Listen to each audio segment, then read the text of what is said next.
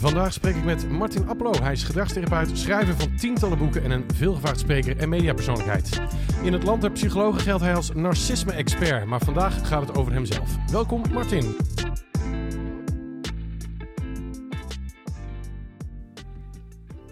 Zo, daar zijn we.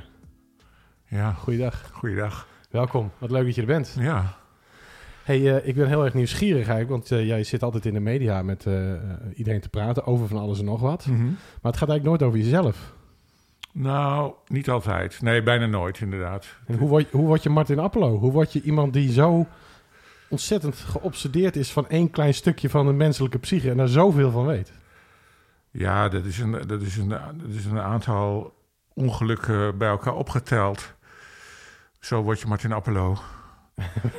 Met een diepe zucht. Ja, Oké. En waar begint het ongeluk? bij, bij de conceptie. Met een concept dat Ja. had nooit moeten gebeuren. Dat had nooit moeten gebeuren. Ik ben eigenlijk altijd de eerste overal mee. Maar ik had eigenlijk die allereerste keer dat ik de eerste was, had ik moeten zeggen, gaan jullie maar voor. Nou, en daarmee sluiten we nee. Nou, wat bijzonder. Oké, Ja. maar, maar als kind was je meteen nog geobsedeerd door de, door de Door de psychologie. psychologie of de of mensen of communicatie? Of nee, helemaal nee, niet? helemaal niet. Nee, ik was als kind gewoon eh, een totaal eh, in mezelf gekeerd, somber, eh, stil jongetje. Totdat ik testosteron begon aan te maken. Maar ik was wel gewoon, een- zolang ik me kan herinneren, had ik echt zoiets van: wat doe ik hier? Als kleinkind al? Ja, ja, ja. Dat is best wel bijzonder, ja. toch? Ja, dat was mijn eerste, eerste wens was ook van. ik weet nog dat ik tegen mijn ouders zei: van, ik wil zo graag dood. Echt? Ja, Hoe oud was je toen? Nou, te jong denk ik om me te beseffen wat het met mijn ouders zou doen als je dat ging zeggen. Ja. Jo. Ja. Maar ik, eh, ja, een jaar of vier, vijf denk ik. En had je toen broertjes en zusjes? Ja, zeker. Toen al. Ja, ja, ja want die, mijn broertje is twee jaar jonger Ja. en mijn zusje is twee jaar ouder. Dus dat is, was toen ook al zo, ja. En, en hoe, hoe was het dan in dat gezin? Hoe, waren die net zo eh, bijzonder als jij? Nee, dat, nee, ik denk dat ik...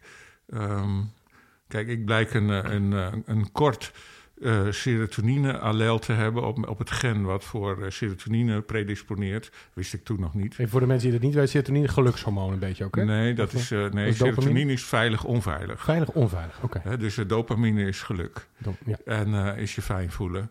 En ehm, er is een kleine groep mensen die wordt geboren. Er zijn genen die, die zetten aan tot de productie van serotonine Mhm. en, en, en dopamine en andere neurotransmitters. En eh, er is een groep mensen die heeft een, eh, een kort allel, de, ja, dat is zeg maar het staartje van het gen.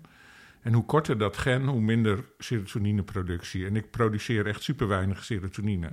Dus ik, ik heb gewoon een biologie die, die predisponeert voor een onveilig gevoel. Oké. En dat wist ik natuurlijk toen nog niet, maar eh, daar, daar zijn we later achter gekomen. En ik, ik kan wel zeggen dat ik daar mijn hele leven last van heb gehad. En hoe was het dan? Want, want voor de rest was alles een onbezorgde jeugd? Of was het, is het puur alleen jouw bijzondere ontstaansgeschiedenis is alleen maar door dat... Nee, nee, nee. Dit is in, in, in interactie met, eh, met zeg maar ouders die, eh, die alleen maar voor eh, het harde werken gingen en niet voor de emotie. Dus als psycholoog zou ik dan terugkijken van dat ik alle ingrediënten heb meegemaakt voor een gedesorganiseerd, gehecht eh, opvoedingspatroon. Want in jouw eh, boek, een van, de, eh, een van de grootste bestsellers, hè, Spiegel voor Narcisten, heb je het dan over het concept van de oersoep. Mhm. Kun je dat eens toelichten? Nou ja, de oersoep, dat is eigenlijk wat een kind nodig heeft om zich onvoorwaardelijk geaccepteerd te, te voelen. Dus dat is de, de, de, de voorwoordelijke overtuiging: ik ben goed zoals ik ben. Mhm. En het maakt niet uit wat ik presteer of wat ik doe. Eh, ehm, ik, het is veilig, kan bij de ander terecht, ehm, ongeacht hoe ik me voel of wat ik doe. Dat, dat, dat dienen zeg maar, de primaire verzorgers eh, te regelen. En dat noem ik dan de oersoep. En die oersoep die kan ook slecht worden opgediend. Hè, te veel of te weinig. En eh, waar je wordt opgevoed door ouders die ehm, eh, alleen de nadruk leggen op presteren en handelen en niet op emotie, ja, daar krijg je dus een tekort aan oersoep.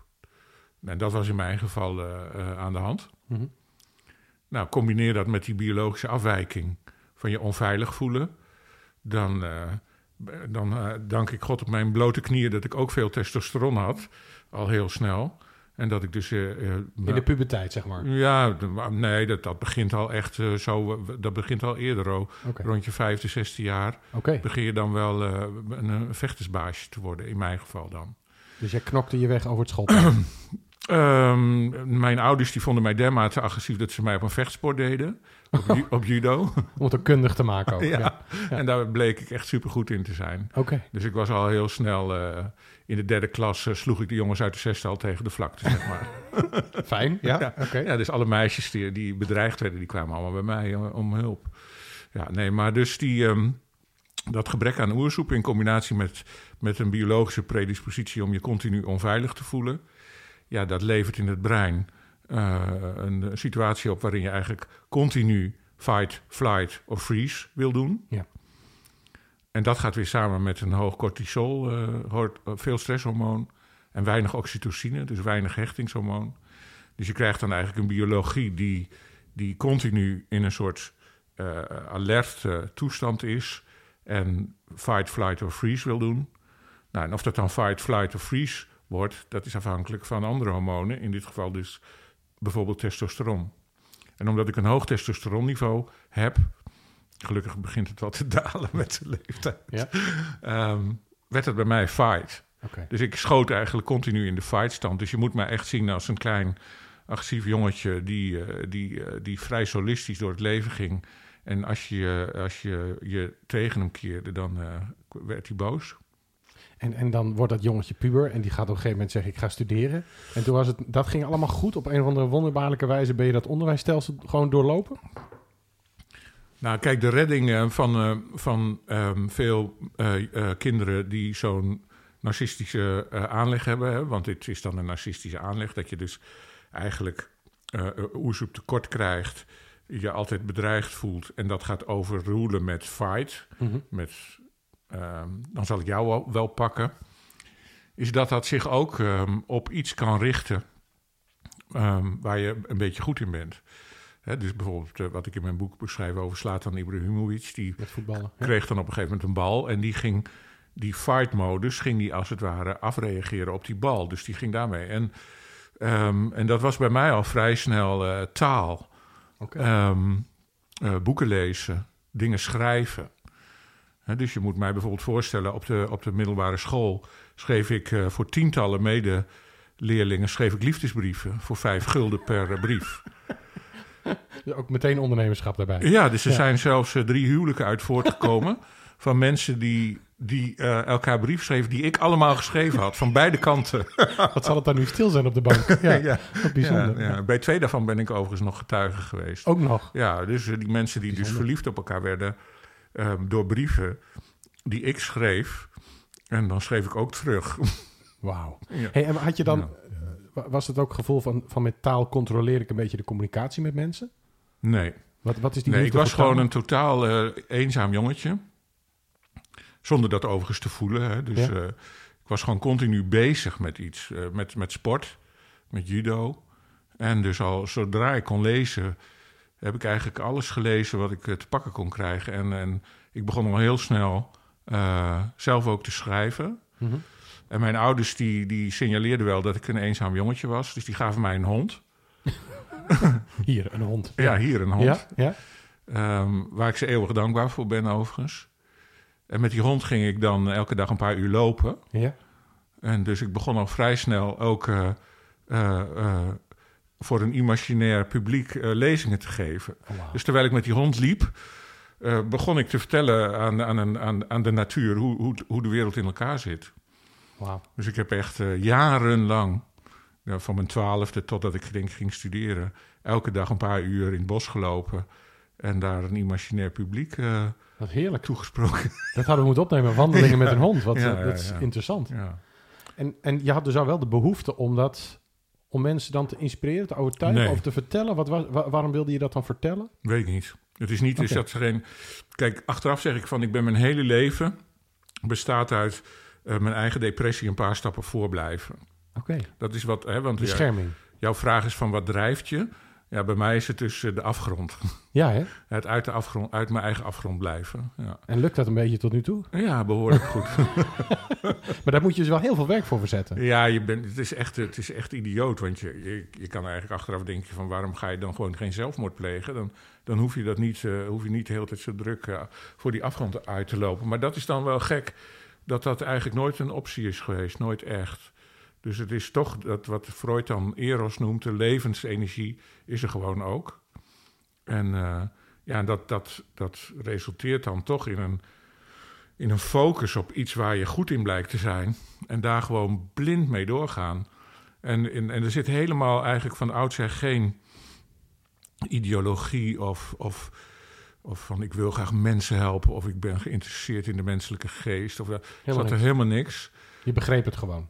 Het was gewoon iets waar ik goed in bleek te zijn en waar ik, waar ik me, wat ik toevallig. Mijn vader was boekhandelaar, dus dat is ook wel interessant. Dus ja. ik ben tussen de boeken opgevoed. Dus eh, lezen was ook echt ja, dichtbij, zeg maar. Ik kon ook altijd, eh, ehm, eh, afgezien van het feit dat ik geen enkele emotionele aandacht van mijn ouders kreeg, kon ik wel alle boeken krijgen die ik wilde Ja, hebben. ja. Dus dat, was, dat was mooi. En, eh, dus dat lezen, dat werd mij eigenlijk letterlijk en figuurlijk met de pap, met de papa-lepel inge, Ja. ge- ingegoten. En dat, ja, dat, zo ontwikkelde ik eigenlijk een passie voor wat ik in die boeken aantrof. En ik weet nog wel dat ik ehm, op mijn veertiende verjaardag het complete werk van Plato kreeg van mijn ouders. En ehm, Dat is wel zware kost voor een dat was zware kost. Ja, verdorie. Ja. Dus dat ging ik dan maar gewoon lezen. En, eh, Maar tot op de dag van vandaag gebruik je Eros en Thanatos en het hele verhaal. Ja, en Socrates blijft mijn grote, grote inspirator. Ja, dus ik ben er zeg maar door omstandigheden zo ingerold.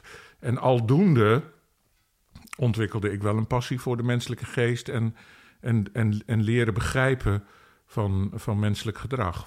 Vanuit het idee van dat we echt evolutionaire gedrochten zijn die, die waarschijnlijk door, een- door een paar wetmatigheden bij elkaar worden gehouden. Dus niet vanuit ieder mens is uniek en wat een prachtig wezen zijn we toch, maar echt vanuit het meest zwartgallige idee over het menselijk bestaan wat je maar. Kijk, er is natuurlijk nog nooit een levend organisme geweest wat zo destructief is voor zichzelf, voor zijn omgeving en voor zijn naasten als de mens. Dus ik heb echt, eh, ja, wat dat betreft, eh, moet het een heel simpel eh, eh, mutatiefoutje zijn. eh, Jij zegt laat die mensen. a- apocalypse maar komen eigenlijk. Hè? Dat, eh, dat, ik een beetje terug. Nou ja, het, ik had twee stellingen bij mijn proefschrift. Ik ben gepromoveerd op onderzoek naar schizofrenie.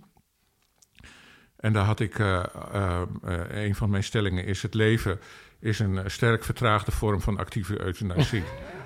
en eh, de andere stelling was zelfmoord is een sterk versnelde vorm van passieve euthanasie. Wauw. Ja, maar die mochten er niet in. Nee, Nee, nou, mijn, ho- mijn hoogleraar vond dat niet eh, verantwoord. Heel bijzonder.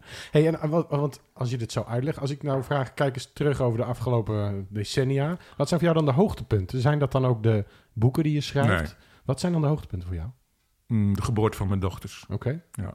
Dat, zijn, dat is je absolute hoogtepunt. Mm, ja.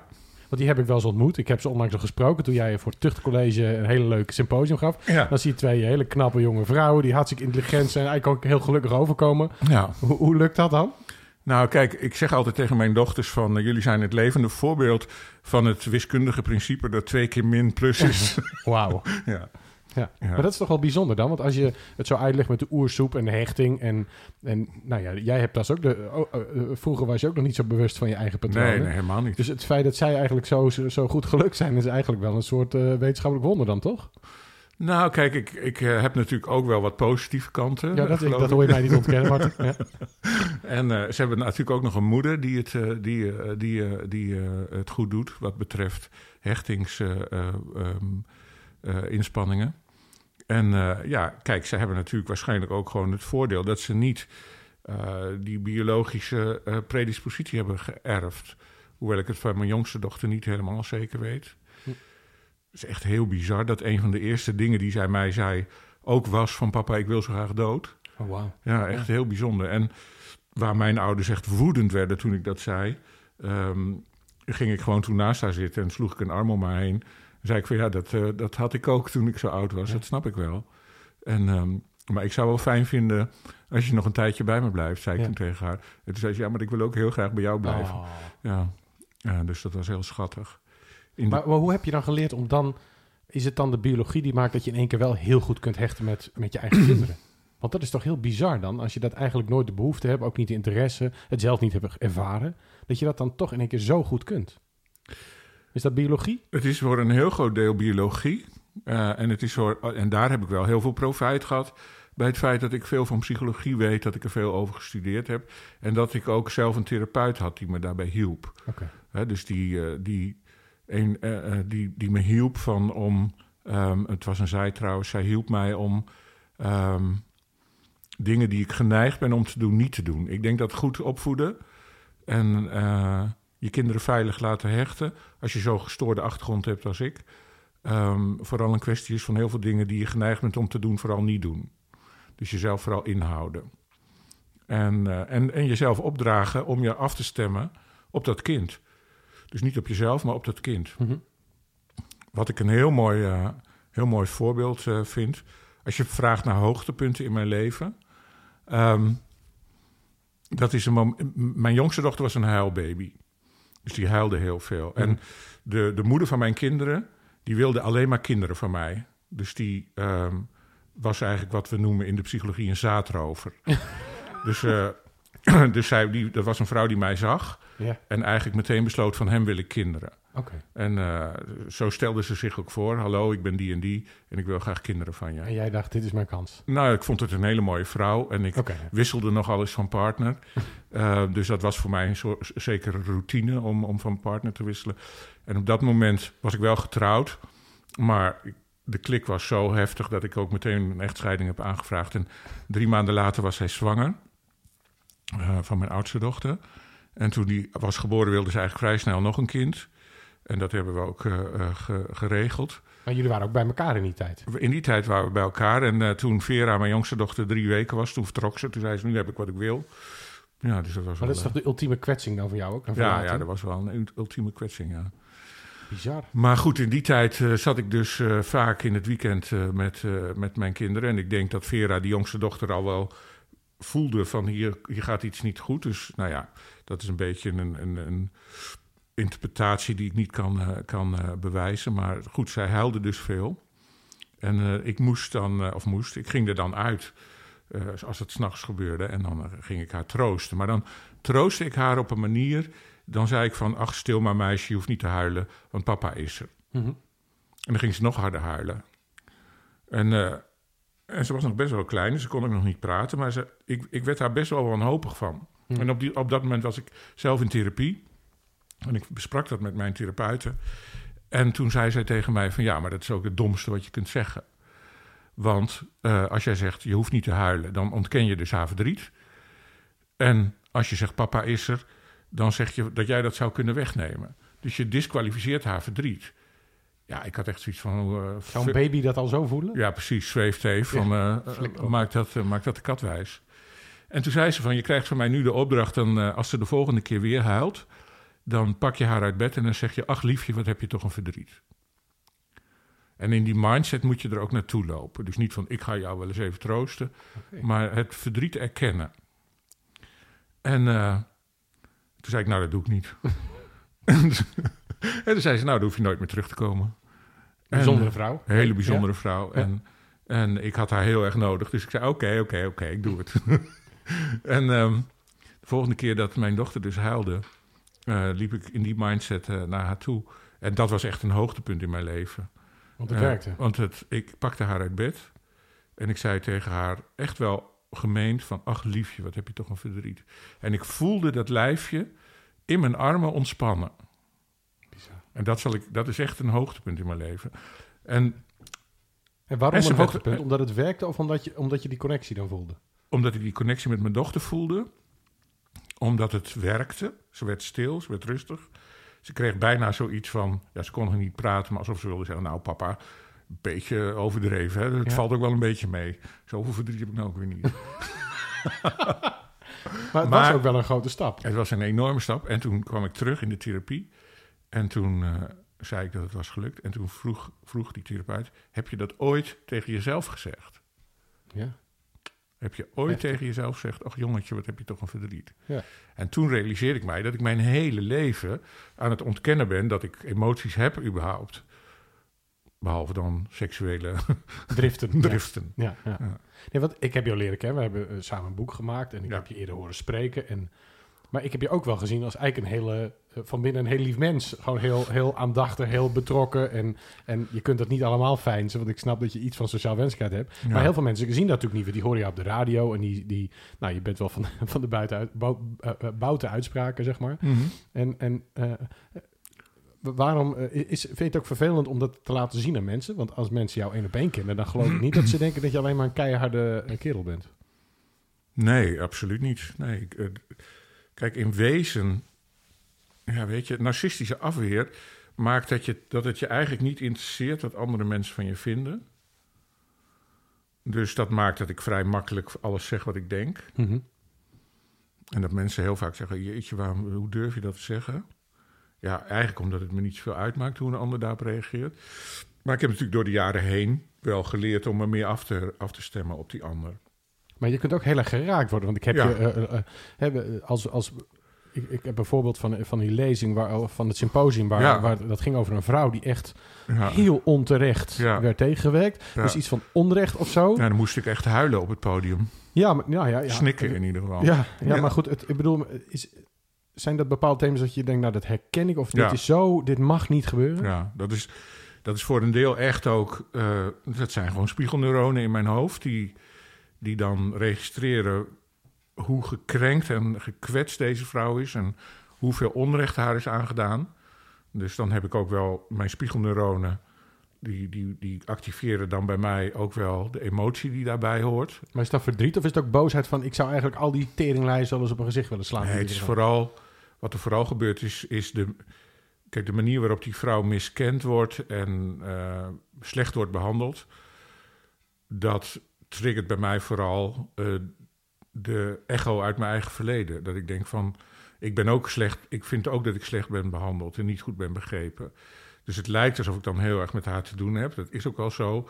Maar de emotie die ik voel is vooral een herbeleving van, mijn, van, van het lotgenootschap wat ik ervaar. En is dat nu, word je nog steeds miskend? Of is dat inmiddels... Nee, ik word niet miskend. Oké. Nee. Mensen zien je nu wel voor wie je bent. wat Nou je ja, kunt. kijk, ik vind het veel moeilijker om die erkenning toe te laten nu. Oké. Dus Het applaus in ontvangst te nemen. ja, bijvoorbeeld gisteren gaf ik een workshop en dan daarna wil iedereen een handtekening in het boek. En dan denk ik alleen maar, dat, doen, dat menen jullie niet echt. Oké. Dat doen jullie, dat, jullie houden me voor de gek, denk ik dan van binnen. Dus die mensen vinden het dan heel leuk om een handtekening in mijn boek te krijgen. En ik denk dan alleen maar van, eh, wat een kutstreek dat jullie mij zo voor de gek houden. Ja, hè? Ja. bizar. En ik weet, wel, ik weet dus nu dat ze het echt leuk Ja. vinden dat ik die handtekening zet. Maar in mezelf denk ik dus van, ik word hier, ik word hier voor de gek gehouden. Ja, ik denk zelfs, want ik heb wel eens bij een lezing gezien dat er dan een, eh, nou, een man of 80, 100 waren. Dat er dan ook meteen 10 vrouwen na afloop om jou Ja. heen stonden te, te, te vleugelen. Ja. Dat, dat, dat is toch een bepaalde aantrekkingskracht eh, die er toch wel degelijk oprecht is. Ik denk, denk niet alleen maar zo is van ik wil een handtekening. Ja, en ik ben dan wel echt zo naïef om te denken dat ze echt een serieuze vraag komen stellen. oh, maar ik denk dat ze dat ook, die zitten er ook tussen Ja, zitten, die toch? zitten er ja, ook tussen, dat, eh. hey, en, en nou doe jij heel veel met jouw kennis in de wereld en je vertelt het op radio. Maar de wereld ziet er niet altijd even goed uit in jouw beleving. Waar gaan we naartoe? Want we zitten nu met eh, een klimaatcrisis. We zitten met politieke crisissen over de hele wereld. In Brazilië, in, nou eigenlijk in ons eigen land misschien ook wel. eh, bij Trump. Eh, waar gaat dit allemaal naartoe? Komt het nog wel goed met ons? En met het hele idee dat, dat het goed zou moeten komen, is een, is een christelijke opvatting die ook maar gewoon door de neocortex is bedacht. Oké. Eh, ik denk, we gaan nergens heen. We gaan naar het nergens. Naar het niets. Hè? Dus over 4 miljard jaar is de zon eh, opgebrand. En dan, eh, dan verandert de aarde in een ijsklont. En, en tot die tijd ja, zijn we in een soort competitie met de tijd. Ehm, want ook dat kunnen we niet hebben, dat, eh, dat zon dat gaat doen. Dus we willen dat geloof ik zelf doen.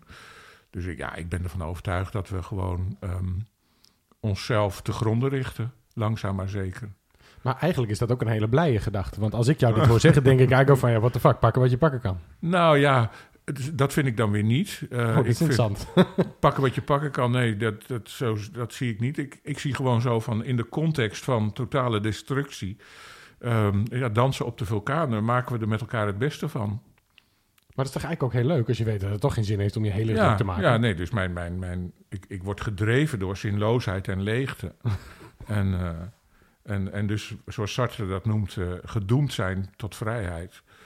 Ehm, er is geen enkel, er is niets waar ik verantwoordelijkheid aan hoef af te leggen. Er is geen groot verhaal wat klopt. Er is geen bedoeling, er is geen context, er is geen doel, is geen betekenis. Het, eh, ehm, het leven gaat aan de betekenis vooraf. Dus we moeten het zin geven en betekenis geven. En daarin zijn we volledig vrij. Dus dat kunnen we doen eh, door eh, te zeggen van... nou ja, ik, ik ga achter een religie staan... en dan ga ik mensen die het niet met me eens zijn... het hoofd eraf snijden. Dat kan een vorm van betekenisgeving zijn. Maar je kan ook zeggen... goh, mensen die het moeilijk hebben... en die lijden onder hun, onder hun leergeschiedenis... die probeer ik te helpen met technieken... om, om het wat draaglijker te maken. Waar ik dan voor kies. En als ik jou nou eh, eh, de, de utopie voorstelde van morgen komt er een hele grote basisschool met 500 kleine kindjes. Maar Martin Appler wordt ervan de directeur. Want het is heel hard nodig, want ze hebben een probleem. En jij mag alles clean slate gaan doen. Want er zijn natuurlijk nu heel veel scholen letterlijk die nog de religies bij de kinderen erin brengen. Ja. Maar hoe zou jij dat doen? Wat zou jij nou kleine kinderen leren? Wat zou je... eh, Ik kan me niet voorstellen dat ik ooit eh, die, die, dat aanbod zou aannemen. Bij deze... Nee, oké, maar je gaat het gewoon zeer gedwongen ik doen. moet het doen. Ja. Wat is een basisschool? Dus kinderen van alle leeftijden. Je had, zelf zat je met je dochtertje op schoot. Ja. Is klein, maar, maar, maar wat zou je in general kinderen willen mee? Want die gaan dit langer meemaken dan jij en ik. ja, dat is een goede vraag. Ik, zou, ik vind wel dat kinderen vroeg frustratietolerantie moeten leren. Ja, En dat, dat, eh, even voor de mensen die dat niet meteen denken. Dus Nou ze moeten ja. ook niet altijd gelijk. Ze moeten leren. Ze moeten leren verdragen dat dingen die ze willen ook niet doorgaan. Ja. En dat het uitgesteld wordt eh, voordat je het krijgt. En ik vind dat kinderen eh, op school zouden eigenlijk verplicht ehm, communicatietraining eh, moeten krijgen. Ze zouden emotieregulatietraining moeten krijgen. Ze zouden moeten worden. Hè, dus ik zou heel erg op een school inzetten op EQ, op emotionele intelligentie. Ik ben ook heel erg voor het verplicht naar eh, multiraciale crashes gaan. Dus dat kinderen verplicht op een crash zitten waar, waar ze met allerlei culturen in aanraking komen. Je gaat er even vanuit dat alle kinderen naar een crash gaan. Nee, ik zou willen dat kinderen verplicht naar een crash gaan. Dus dat, dat ze gewoon allemaal op jonge leeftijd al moeten leren dat ze met veel kinderen zijn. Oké. Ja. Dus ik zou, op een, ik zou op een school dus aan de ene kant heel veel eh, emo- aan emotionele intelligentie, filosofie, psychologie, zou ik allemaal verplichte vakken maken. Sport, Maar dan moeten er ook dingen uit. Want ze hebben nu al een volle dag. Wat gaan ja, er moeten een heleboel dingen uit. Ja, allerlei dingen die, die, die bijdragen aan de illusie van, eh, van, eh, van onkwetsbaarheid. En dingen die bijdragen aan de, de mythe van de maakbaarheid. Dus dingen als eh, natuurkunde, scheikunde, exacte vakken, dat mag er al mij in principe allemaal uit. Ik zou op zich ook wel goed vinden als de medische wetenschappen eh, een paar versnellingen terug gaat schakelen. Zodat mensen weer leren lijden en weer leren dat, dat het ook een keer ophoudt, het leven. Niet altijd maar paracetamol voor alles. En Nou, overal. kijk, de wereld, het grootste gevaar voor, eh, voor de, de wereld is natuurlijk overbevolking. Mhm. En overbevolking wordt, wordt vooral aangestuurd door de medische wetenschap, die iedereen maar in leven wil houden. En dat vind Maar ik dat een- is gedreven door de klant. De dat is gedreven door de klant. Die is opgeleid in het idee, wat we dan in de psychologie noemen de illusions of well-being. Dat we onkwetsbaar zijn, dat we duurzaam zijn, dat we in controle zijn. En als het fout gaat, dat het niet aan ons ligt, onschuldig. Dat zijn de vier belangrijkste illusions of well-being. En in plaats van dat we ons realiseren dat dat illusies zijn, doen we steeds meer alsof dat echt zo is. Mhm. Dus ik zou alle vakken die daaraan willen bijdragen, zou ik dan toch wel op een laag pitje willen zetten. Oké. Ja. Dus dat wordt, eh, dat wordt nog wat als ik eh, leider van die Ik, school wou, word. ik ben heel benieuwd naar die school. Of daar Ja. ook, eh, ja. Maar, maar een, een- wat is er kwaadaardig aan wiskunde bijvoorbeeld? Niks op zich. Maar het is Maar gewoon zonde van de, van de het is tijd. zonde van de tijd. Omdat het bijdraagt aan wetenschappen die, die de illusies tot waanwerkelijkheden maken. En die, die allerlei wetenschappen in, in, eh, stimuleren om, om de overbevolking eh, te laten toenemen. En nou is er een, een uh, overheid voor, die ik zo snel voor de geest kan halen, die hier wel redelijk actief mee bezig is geweest. Maar ook bijzonder pragmatisch kijken naar mensen. In China bijvoorbeeld. Hè. Hmm. Dus daar zijn ze echt uh, de één-kind-policy hebben ze daar gehad. Maar ook het feit dat ze mensen veel meer zien als, uh, als beestjes met gedragingen. Dat willen monitoren. 160 miljoen camera's. Ze willen gaan zeggen, Ja. als jij je oma niet bezoekt, dat Ja. is nu al zo. Hè. Kun Ja, je niet meer met openbaar punten. vervoer. Ja. Dan doet, doet je OV-chipkaart het gewoon niet meer. Maar, maar zijn die dan niet dichter bij de waarheid dan wij? Want het Nee, werkt, het kijk, werkt voor ze. Het is weer zo'n misvatting. Er is geen waarheid. Nee. Kijk, want ik ben natuurlijk ook een ongelofelijke sukkel. Want als ik, als ik doorredeneer op wat ik net zei, dan kom ik ergens uit waar ik helemaal niet wil zijn. Hoe kan dus- dat dan? Nou, omdat ik een sukkel ben en omdat ik gewoon hartstikke inconsequent ben. En eh, ehm, eigenlijk vrij principeloos ehm, door het leven oreer. Ehm, dus ja, als ik, als ik doorredeneer in wat ik zeg, kom ik natuurlijk ook zelf in de knoei. Ik weet nog dat ik op een gegeven moment eh, in de scan moest. eh, omdat, ik, eh, omdat ze dachten dat ik helemaal vol met kanker zat. Bleek natuurlijk niet zo te zijn. Ehm, of bleek niet zo te zijn. Ehm, en toen dacht ik van, ja, nou oké, ga ik naar de scan. Maar toen zat ik daar in die wachtkamer. En toen ehm, dacht ik, verdorie, ik heb mijn hele leven... Ik was vroeger lid van de PSP, de Pacifistisch Socialistische Partij. Ja. En daar ben ik uitgegaan omdat ik ze veel te gewelddadig vond. Ehm, Oké. ja. en, eh, maar ik deed dus mee aan al die eh, demonstraties tegen kernenergie. Ja. En eh, toen, Toen zat ik, ging je in een scan met kernenergie. en toen Ja, zat ik in die wachtkamer dacht ik, verdorie, ik ben toch die man die... dus ik ben naar het hokje gegaan. Ik heb gezegd van, nou, ik hoef er niet in, want ik ben tegen kernenergie. Nou, die vrouw die keek me aan alsof ze dacht van, nou, het is ook uitgezaaid naar zijn brein. Ja. Maar ik zei, nee, ik doe het niet. Ik ga er niet in. En ik was op dat moment echt super ziek, dus ik voelde me slecht. Maar toch, ja, ik had een soort... eh, ik had bijna een erectie toen ik wegliep. Zo trots was ik op mezelf dat ik weer mijn principes eh, terug had. Ja. Ehm, en toen kwam ik thuis en toen vertelde ik dat aan mijn oud, oudste dochter. Van nou, papa heeft principes. En zij ontwikkelde op dat moment ook al een zekere mate van narcisme. Dus zij, begon, zij zette zo haar hand in haar zij en keek me zo met de eigenwijze tronie aan. En zei ze, oh, dus eh, jij vindt jouw principes belangrijker dan dat ik mijn vader hou. Zo. En eh was 14. En ehm, toen heb ik de telefoon gepakt en een nieuwe afspraak gemaakt. Ja. Ja, totaal inconsequent. En ik moet nu nog steeds eh, één keer in de zoveel tijd voor controle. En dan vind ik mezelf echt zo'n zo'n ongelofelijke loser dat ik het doe. Maar ben je een loser als je als je, je oordeel herziet? Nee, dus ik, tegelijkertijd vind ik mezelf dan echt een supergoeie vader. Ja, precies. Ja. Maar die ambivalentie, kijk, dus de kern is ambivalent. Maar er zit toch een verschil tussen kennis en principes. Ik bedoel, dat jij tegen kernenergie was, dat was met de kennis van toen. En het feit dat kernenergie in bepaalde mate ook super gevaarlijk is natuurlijk. Ja. Maar het is toch niet een principe? Nee, maar wat ik ermee wil illustreren, vooral, is dat ik in de kern ambivalent ben. Oké. Ik ben niet eenduidig. Nee. Ik ben, ik ben wat dat betreft echt een aanhanger van Nietzsche. Dus eh, de mens is, is een koordanser die op een koord danst... te- wat gespannen is tussen dier en ubermensch. Mhm. En de ubermensch is niet wat de nationaal socialisten ervan hebben gemaakt... maar het is de mens die zichzelf te boven komt. Eigenlijk meer het boeddhistische idee Ja, van, je, van jezelf te ko- boven komen. En, en onder dat koord is alleen maar ambivalentie. Is een pool van op elkaar tegenwerkende krachten... die, die, die Eros en Thanatos, zoals Freud het zegt... of Plato, die zegt... we, we zijn twee paarden die allebei wat anders willen... En daar komen ook allerlei neocorticale inconsequenties uit voort. Dus de ene keer zeg ik vol overtuiging, ik wil dit. En ik ben tegen de medische wetenschap. En als mijn dochter zegt, ik wil mijn vader houden... dan laat ik mij gewoon bestralen, bij wijze van spreken. Ja. Dus dat is zo inconsequent als wat. En zo ploeter ik maar wat voort. Maar doen we dat niet allemaal? Ja, en ik doe dat kennelijk ietsje beter... want eh, die boeken verkopen hartstikke goed. Wauw. en dat zijn er nu al eh, bijna 30 geloof ik? ja, ja, ja. En, en hoeveel komen er nog? Want Ja. je, hebt- ooit een keer gezegd, ik, Dit dit, is mijn was mijn laatste boek. boek. En een Ja. week daarna zei ik, ik heb een nieuw idee. ja, ik heb een nieuw idee. Nou ja, wat kijk, maak je nu op dit moment? Ik ben nu een boek aan het schrijven dat gaat heten Hecht Niet. Waarbij de H van hecht tussen haakjes komt te staan. Dus dan staat er echt niet. Echt niet. Dat gaat dus over een, over een groep mensen in deze wereld die zich niet hechten aan Mhm. anderen. En hoe groot is die groep? Want ik, ik las ergens iets van 35% Nee, 35% van de mensen is onveilig gehecht. Dus 65% van de mensen is goed gehecht, veilig gehecht. En die ervaren in zichzelf ook niet die ambivalentie waar ik het nu net over had. 35% van de mensen is onveilig gehecht. Maar die groep valt weer in drie groepen uiteen: angstige hechting, vermijdende hechting en gedesorganiseerde hechting. Ja. En de gedesorganiseerd gehechte groep, 10 tot 15 procent, dat is de groep waar ik nu over schrijf. Waar ik zelf ook bij hoor. En wat kenmerkt die groep? Die groep die, eh, wordt niet alleen gekenmerkt door een gebrek aan oersoep.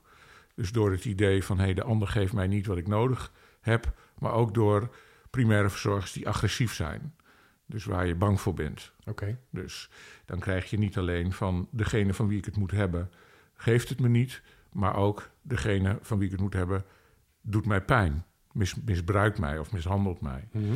Dus je krijgt niet alleen een, een gevoel van kennelijk doe ik er niet toe, maar ook ik ben continu in gevaar. En die groep mensen, dat is de groep mensen die, die het op latere leeftijd niet meer aandurft, zeg maar, om zich echt over te geven aan een ander. Of aan iets anders, of aan het leven. Mhm. En ehm, en die groep die anticipeert continu op gevaar. En eh, daar, daarvoor is narcistische afweer dan ook buitengewoon geschikt. Maar die mensen brengen natuurlijk ook heel veel. En het bijzondere is dus eigenlijk, als je het vanuit evolutionair perspectief bekijkt, dat ze blijkbaar wel in staat zijn om iemand anders die hechting wel mee te geven. Eh, ja, als ze, als ze tenminste in de gelukkige omstandigheden zijn om zich er bewust van te worden dat er iets aan hunzelf niet deugt. En eh, als ze eh, in de omstandigheden zijn dat er mensen zijn die eh, hun dat mogen uitleggen en waar ze dat van aannemen. Hoe lang duurt het bij jou voordat je dat inzag? Echt super lang. Ik moest daar bijna voor overlijden. om om te ontdekken dat ik mezelf te gronden aan het richten was met mijn leefstijl. En, en dus het, mijn dochters hebben op zich een belangrijke bijdrage geleverd om eh, wat meer rekening met anderen te houden. Maar uiteindelijk is de ommekeer gekomen eh, toen ik echt eh, op sterven na dood was eh, vanwege mijn eigen leefstijl. En toen pas besefte je, dit moet Nou, of anders of ik ga pleiten. Precies. Ja, dus als ik nu nog, als ik er wil blijven, moet ik, moet ik toch echt eens naar mezelf gaan kijken. Dus als je een boek schrijft hierover, dan gun je eigenlijk iedereen ook zo'n traumatische ervaring. Eh, als ik een boek schrijf hierover, gun je iemand. Nou, nee, ik vind het ook prima als mensen. Ik, ik gun mensen vooral dat ze dat, die ervaring, dat ze die voorgeschiedenis niet hebben. dat Ehm, snap ik, maar die 10% heeft dat wel. Of wel een vorm Ja, ja, daarvan. ja, dus eh, die, ja, die mensen mogen voor mij ook gewoon eh, de, zichzelf dooddrinken of, eh, of kapot snuiven of, of doodrijden. Dat, ik bedoel, ik ben niet aan ze gehecht. Dus wat, Maar is die groep zo'n grote groep? 10%? Dat zijn een heleboel mensen. Die gedesorganiseerd gehecht zijn, ja. Dat, zijn Dat is bizar eigenlijk. Ja. En Nou die functioneren nu wel gewoon? Nou, sterker nog, dat zijn de mensen die... eh, dat zijn de veel, veel mensen weren die, die eh, gedesorganiseerde hechting eh, narcistisch af. Dus dat zijn zelfs ook heel vaak mensen die de wereld eh, zogenaamd vooruit helpen. Het zijn mensen, mensen die aan de top presteren en de- de leiderschap hebben over deze wereld. Of, eh, En die zoeken alsnog de erkenning en de hechting die ze nooit gehad hebben. Precies, die zoeken vaak in, eh, in prestatie of in, in, eh, in macht. eh, zoeken ze de erkenning die ze vroeger niet kregen. En dat vinden ze daar niet, omdat dat om voorwaardelijke erkenning gaat. Terwijl wat ze missen is onvoorwaardelijke erkenning. Dus die, ja, die kunnen daar eindeloos mee doorgaan. Het is heel interessant. Hè? We hebben op dit moment eh, in het, doen we heel veel onderzoek in de psychologie met eh, oxytocine. Het, knuffelhormoon, hè? Knuffel, het hechtingshormoon. Ja. En we weten inmiddels dat mensen die dus zo'n hechtingsverhaal hebben, daar komt de oxytocineproductie niet op gang. En dus die hechten zich niet. We kunnen dat dus ook biologisch aantonen op dit moment. En je ziet dan dat, dat normale mensen, veilig gehechte mensen, die ehm, gaan van drive naar like, zeggen de Engelsen. Wij zeggen die gaan van verliefdheid naar liefde. Ja. Dus je komt iemand tegen, je, wil, je raakt heel erg drive opgewonden, je wil, je wil er naartoe, je wil dingen. En dan, als dat wederzijds is en bevredigend is, dan komt het systeem vervolgens tot rust. Omdat in die bevredigende dingen die je dan samen doet, eh, de oxytocineproductie heel actief wordt. En die oxy- oxytocine maakt je dan rustig. Mhm. En die zorgt dat je aan elkaar gaat hechten. En dat je van drive naar like gaat. Van liefde, van verliefdheid naar liefde. En dan kom je in een soort, in een soort sleur, zou ik dan zeggen. Waarvan je zegt, goh, wat hebben we het goed samen. En die mensen kunnen ook naar een camping, zeg ik altijd. Ehm, en dan heb je die, die gedesorganiseerd gehechte groep... die geen oxytocine produceert bij, tijdens de drive. Dus die worden op een gegeven moment... raken ze ook aan elkaar gewend. Maar dat wordt dan niet like, maar verveling. Dus die groep gaat van drive naar verveling, naar boredom. En omdat het systeem, het, het, uh, het biologische systeem van die mensen dan op rust gaat, komt er meteen een soort geconditioneerde waarschuwing. Niet ontspannen, want je bent in gevaar. Dus gaan die mensen meteen een nieuwe drive zoeken. Dus je ziet bij die groep waar ik dan ook bij hoor, dat als de drive overdreigt te gaan in like bij anderen, gaat het bij ons dus over in verveling of, of sleur. Maar dat mag niet van het systeem, want we moeten altijd alert zijn. En dan zie je dat die mensen meteen een nieuwe drive zoeken. En dat is dan, work, dan word je workaholic, dus ga je een nieuw project doen, wat ik altijd heb gedaan. In combinatie met middelengebruik deed ik dat dan. En uh, dus middelengebruik is een heel veel gekozen Dus drive. drugs en drank. Drugs en drank. Ja, ja. Of vreemd gaan. Porno, verslaving. De- Maar dan- alle extreme. Dus ook extreem sporten, Ironmans gaan ja, en alles ja, wat mij... en dat zijn dan precies de patiënten die ik de hele tijd behandel. Oké. Hè, dus mensen die, die van drive niet naar like gaan, maar naar boredom. En dat compenseren met een nieuwe eh, drive. En dan of met werk, of met drugs, of met alcohol, of met seks, of met een combinatie. En dan zitten ze bij jou. En kun je ze nog helpen dan? Nou, in principe kan ik niemand helpen. Nee, maar goed, jij zegt eigenlijk... ik heb een vreselijk traumatische ervaring... bijna doodervaring mee moeten maken. Ja. Om een Wat ik overigens niet traumatisch vond hoor. Oh. Dat was zelfs eh, een van de gelukkigste periodes in mijn leven. Een bijzondere man. Ja, Dat ik echt dacht van, eh, oké, laat het allemaal maar los. Ja. Het hoeft niet meer. oké. Maar mijn dochters wilden heel graag dat ik er zou blijven. Daar heb ik het voor. eh, Daar, daar, daar heb ik dan toch wel die beslissing voor genomen van... oké, dan gaat het roer om. Oké, maar het is wel wel een heftig moment. Heftig. Ja. Heftig. Maar ik heb me nog nooit zo gelukkig gevoeld... als in de tijd dat ik helemaal kapot was. Omdat je wist, ik hoef het ook... Ik hoef Er het er hoefde ineens niks meer. Ik kon ook niks meer. En ik was gewoon op, uitgestreden. uitgestreden. En ik was, er kwam zo'n bizarre rust over me heen. Ja, echt heel fijn. Ja. Ik- Ik vond het, ik vond het reïntegreren... eh, vond ik echt erger dan het ziek worden. Bizar. Ja. Ja, ik herken het, eh, eh, eh, maar, maar dat, dat is voor nu niet relevant. Ehm, maar nou zit er iemand tegenover jou en die heeft dit niet meegemaakt. Die heeft dat, Ja. dat, dat moment nog niet gevoeld. En die heeft wel die problemen, die zuipt zich in ons, die snuift Ja. koken om het vol te houden, is wel heel succesvol, heeft wel die... ja. Kun je zo iemand helpen? Nou, kijk, die mensen komen natuurlijk niet voor niks bij mij. Dus die hebben pijn. Die hebben pijn. of hun, als ze een CEO boven zich hebben... of als ze iemand boven zich hebben die zegt... dit gaat zo niet langer. Of ze verliezen veel te veel klanten... omdat ze te vaak dronken of onder invloed zijn. Of hun vrouw, wat heel vaak voorkomt... en hun kinderen zeggen... wij willen, wij willen jou niet meer. We zijn het helemaal zat. Dat is ook wel traumatisch, toch? Als mensen Ja, dus het zijn bijna allemaal mensen die door, door, eh, door het leven, zeg maar, voor een keuze worden gesteld. En die komen dan, of, eh, eh, of omdat ze van hun vrouw mijn boek hebben gekregen, of zelf komen ze bij me. Dus er zit wel iemand voor me die, die op een soort kruispunt in zijn leven staat. Als dat niet zo is, kan ik sowieso niet helpen, hè, want dan komen ze niet bij me. Je hebt zo'n formule gemaakt voor gedragsverandering. Ja, Hoe, hoe zit die in elkaar? Nou ja, ik kijk van. van ehm, je maakt wel wendingen, zeg. nou Ehm, ja, maar dat heeft hier alles mee te maken. Ik- ja. Ik, bedoel, de- uit mijn hoofd zijn het vier stappen. Eentje heeft dat ze eh, zichzelf een beetje eigenaarschap moeten proeven voor het eh, probleem. Nou, kijk, het, het, het punt is van. Ik, ik, ik ben natuurlijk pessimistisch en zwartgallig. Ja. En ik, ik, en, maar ik ben ook vrij objectief. Omdat ik een dep- depressieve eh, eh, inslag heb, ben ik vrij objectief. Dus ik zie gewoon dat, er, dat het. Alles wat psychotherapeuten en leefstijlprofeten en. en eh, boeken en, en, en internetprogramma's suggereren, change yes we can, dat klopt gewoon niet. Mhm. Want mensen, gedragsverandering is gewoon super moeilijk. En als je gewoon heel objectief kijkt naar de feiten, dan is er maar één op de tien mensen die gedragsverandering langer dan anderhalf jaar volhoudt. Maar gelukkig, één op de tien had ook die hechtingstoornissen. Zijn er toevallig dezelfde of dat we net niet? Nee, dat is absoluut niet zo, helaas. En, eh, en, en in psychotherapie is het nog iets beter, maar daar is het uiteindelijk een derde wat profiteert. Dus twee op de drie mensen profiteert niet. Dus ik ben eens gaan studeren van waar, waar je dat nou, hoe, of je dat kunt hardmaken van tevoren.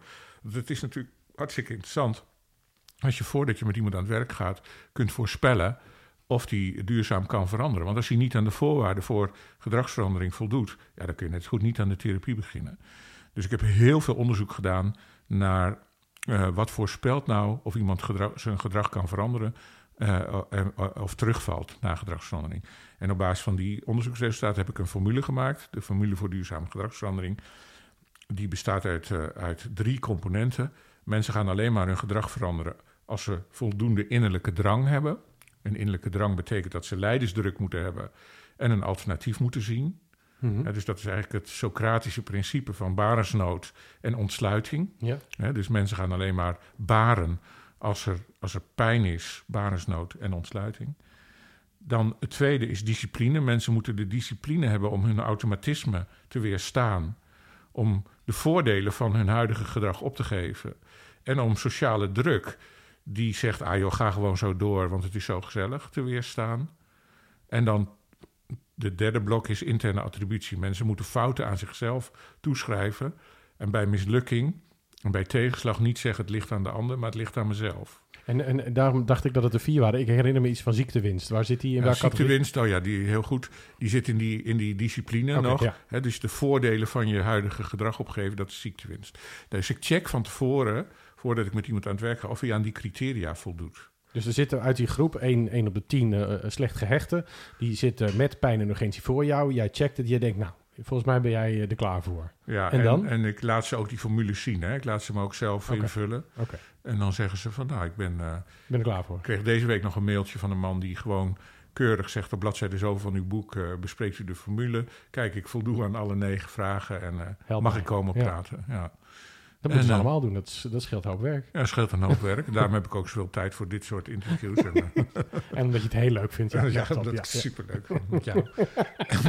Omdat we samen zo'n prachtig boek hebben geschreven. Red de Alpha Wolf. Koop het nu. Ja, nee. Ja, Ja. maar ehm, ja, dus eh, die, die, dan zeg ik van oké, dan, dan is er, voldoe je dus aan die voorwaarden.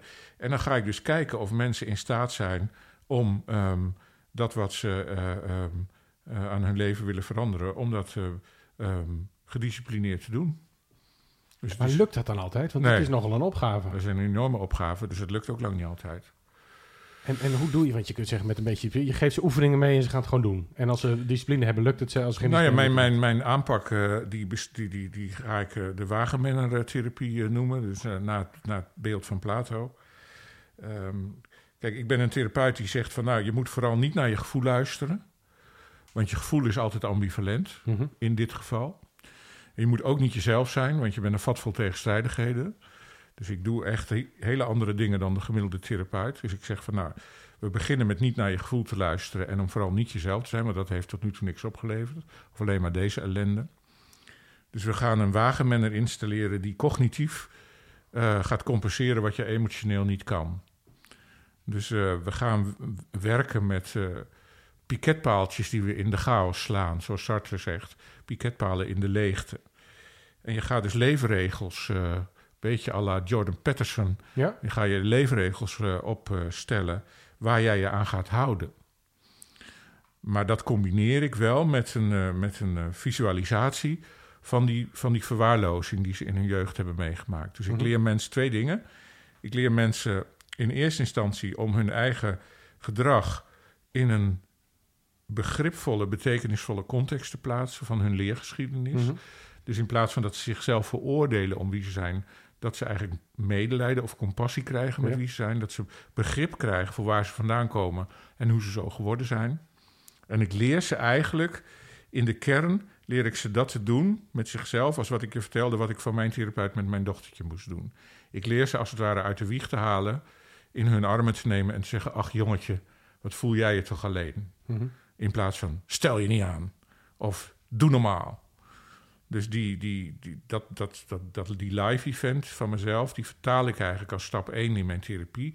Leer liefdevol naar je eigen bagger te kijken en troost jezelf. Want van de ander neem je die troost namelijk niet aan. Mhm. Dus dat moet je bij jezelf doen. Dus die onvoorwaardelijke erkenning kun je alleen jezelf nog geven. In als eerste instantie wel. Ja, ja. Ik maakte de laatste fout. Ik zat met een jongen, die, eh, een man die ik in therapie heb, die buitengewoon mishandeld werd door zijn ouders.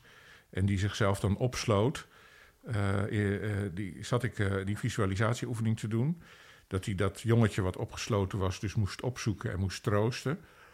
En dat lukte niet. Hij werd bang. En toen zei ik: eh, ik, kom, ik kom je wel helpen.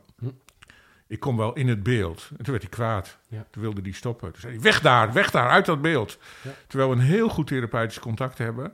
Maar ik was dus vergeten om te vragen: mag ik je komen helpen? Ja, ja. Nou, toen was het helemaal over. Was het hele effect weg. We hebben wel tien sessies nodig gehad om het effect weer terug te krijgen. Bizar, hè? Ja, zo werkt dat dus. Dus eh, hij, moet zich eer, hij moet zichzelf dat eerst leren geven. Nou, dat is stap één. En als iemand dat kan, Dan gaan we die leefregels opstellen. En dan is het uh, take it or leave it. Je houdt je eraan of je houdt je er niet aan. En hoeveel procent lukt dat? Het is natuurlijk een slechte commercial als je nu zegt 10%, maar... Nee, geen 10%. Ik denk uh, iets, iets meer dan de helft. Maar dat is al veel meer dan standaard in de Nederlandse GGZ uh, slaagt. Ja, maar, maar hoe, hoe duurzaam dat is, dat, uh, dat is natuurlijk maar de vraag. Maar hoe kan dat het bij jou duurzaam is? Levert het je nu meer op dan voordat je dat gedaan had? Of zeg je, nou, het is helemaal niet duurzaam? Nou, kijk, um, een heel belangrijk kenmerk is dat je, als je ergens voor kiest, moet je er ook, moet je, ook je verantwoordelijkheid voor nemen. Anders ben je te kwader trouw, zou, zou Sartre zeggen. En omdat ik twee dochters heb waar ik het voor doe, um, heb ik continu um, antwoord op de vraag waar ik het voor doe. Dus ik hou mezelf scherp wat dat betreft. En, uh, en dat is één. En aan de andere kant heb ik, denk ik, een andere verhouding gekregen tot dat verwaarloosd jongetje wat ik met me meezeul. Dus ik veroordeel mezelf daar niet meer om. En wat ik toe moet geven, ik heb heel lang hele hoge dosis antidepressiva geslikt. Uh, om mijn amygdala te resetten.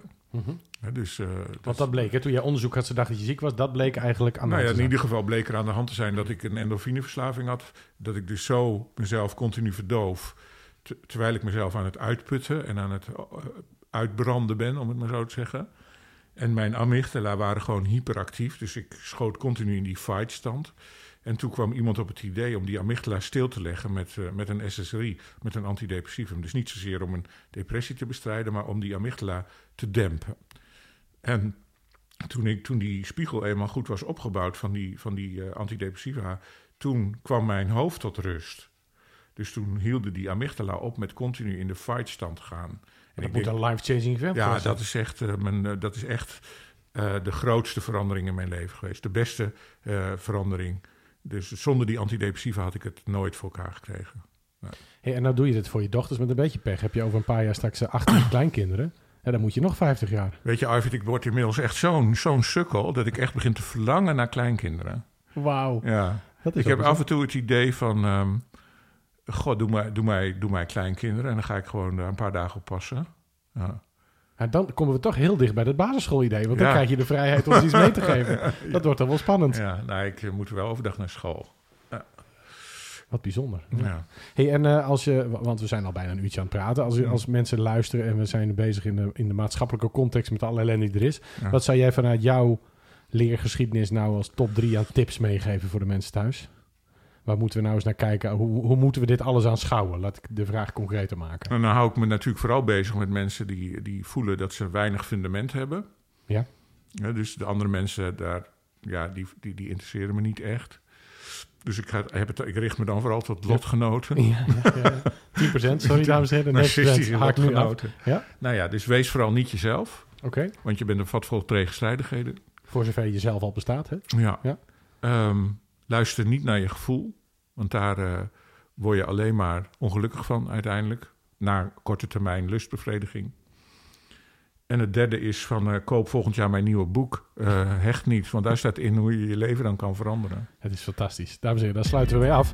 Het was een ontzettend leuk gesprek. Martin Appelo, dankjewel. Wie meer wil weten, ga naar martinappelo.nl. Daar vind je ook al zijn mooie boeken. Evenals op uh, bol.com en bij de uitgeverij Boom en weet ik het al meneer. luister het interview nog eens rustig terug, want er zit een hele hoop lessen in. Dankjewel voor het luisteren en tot de volgende.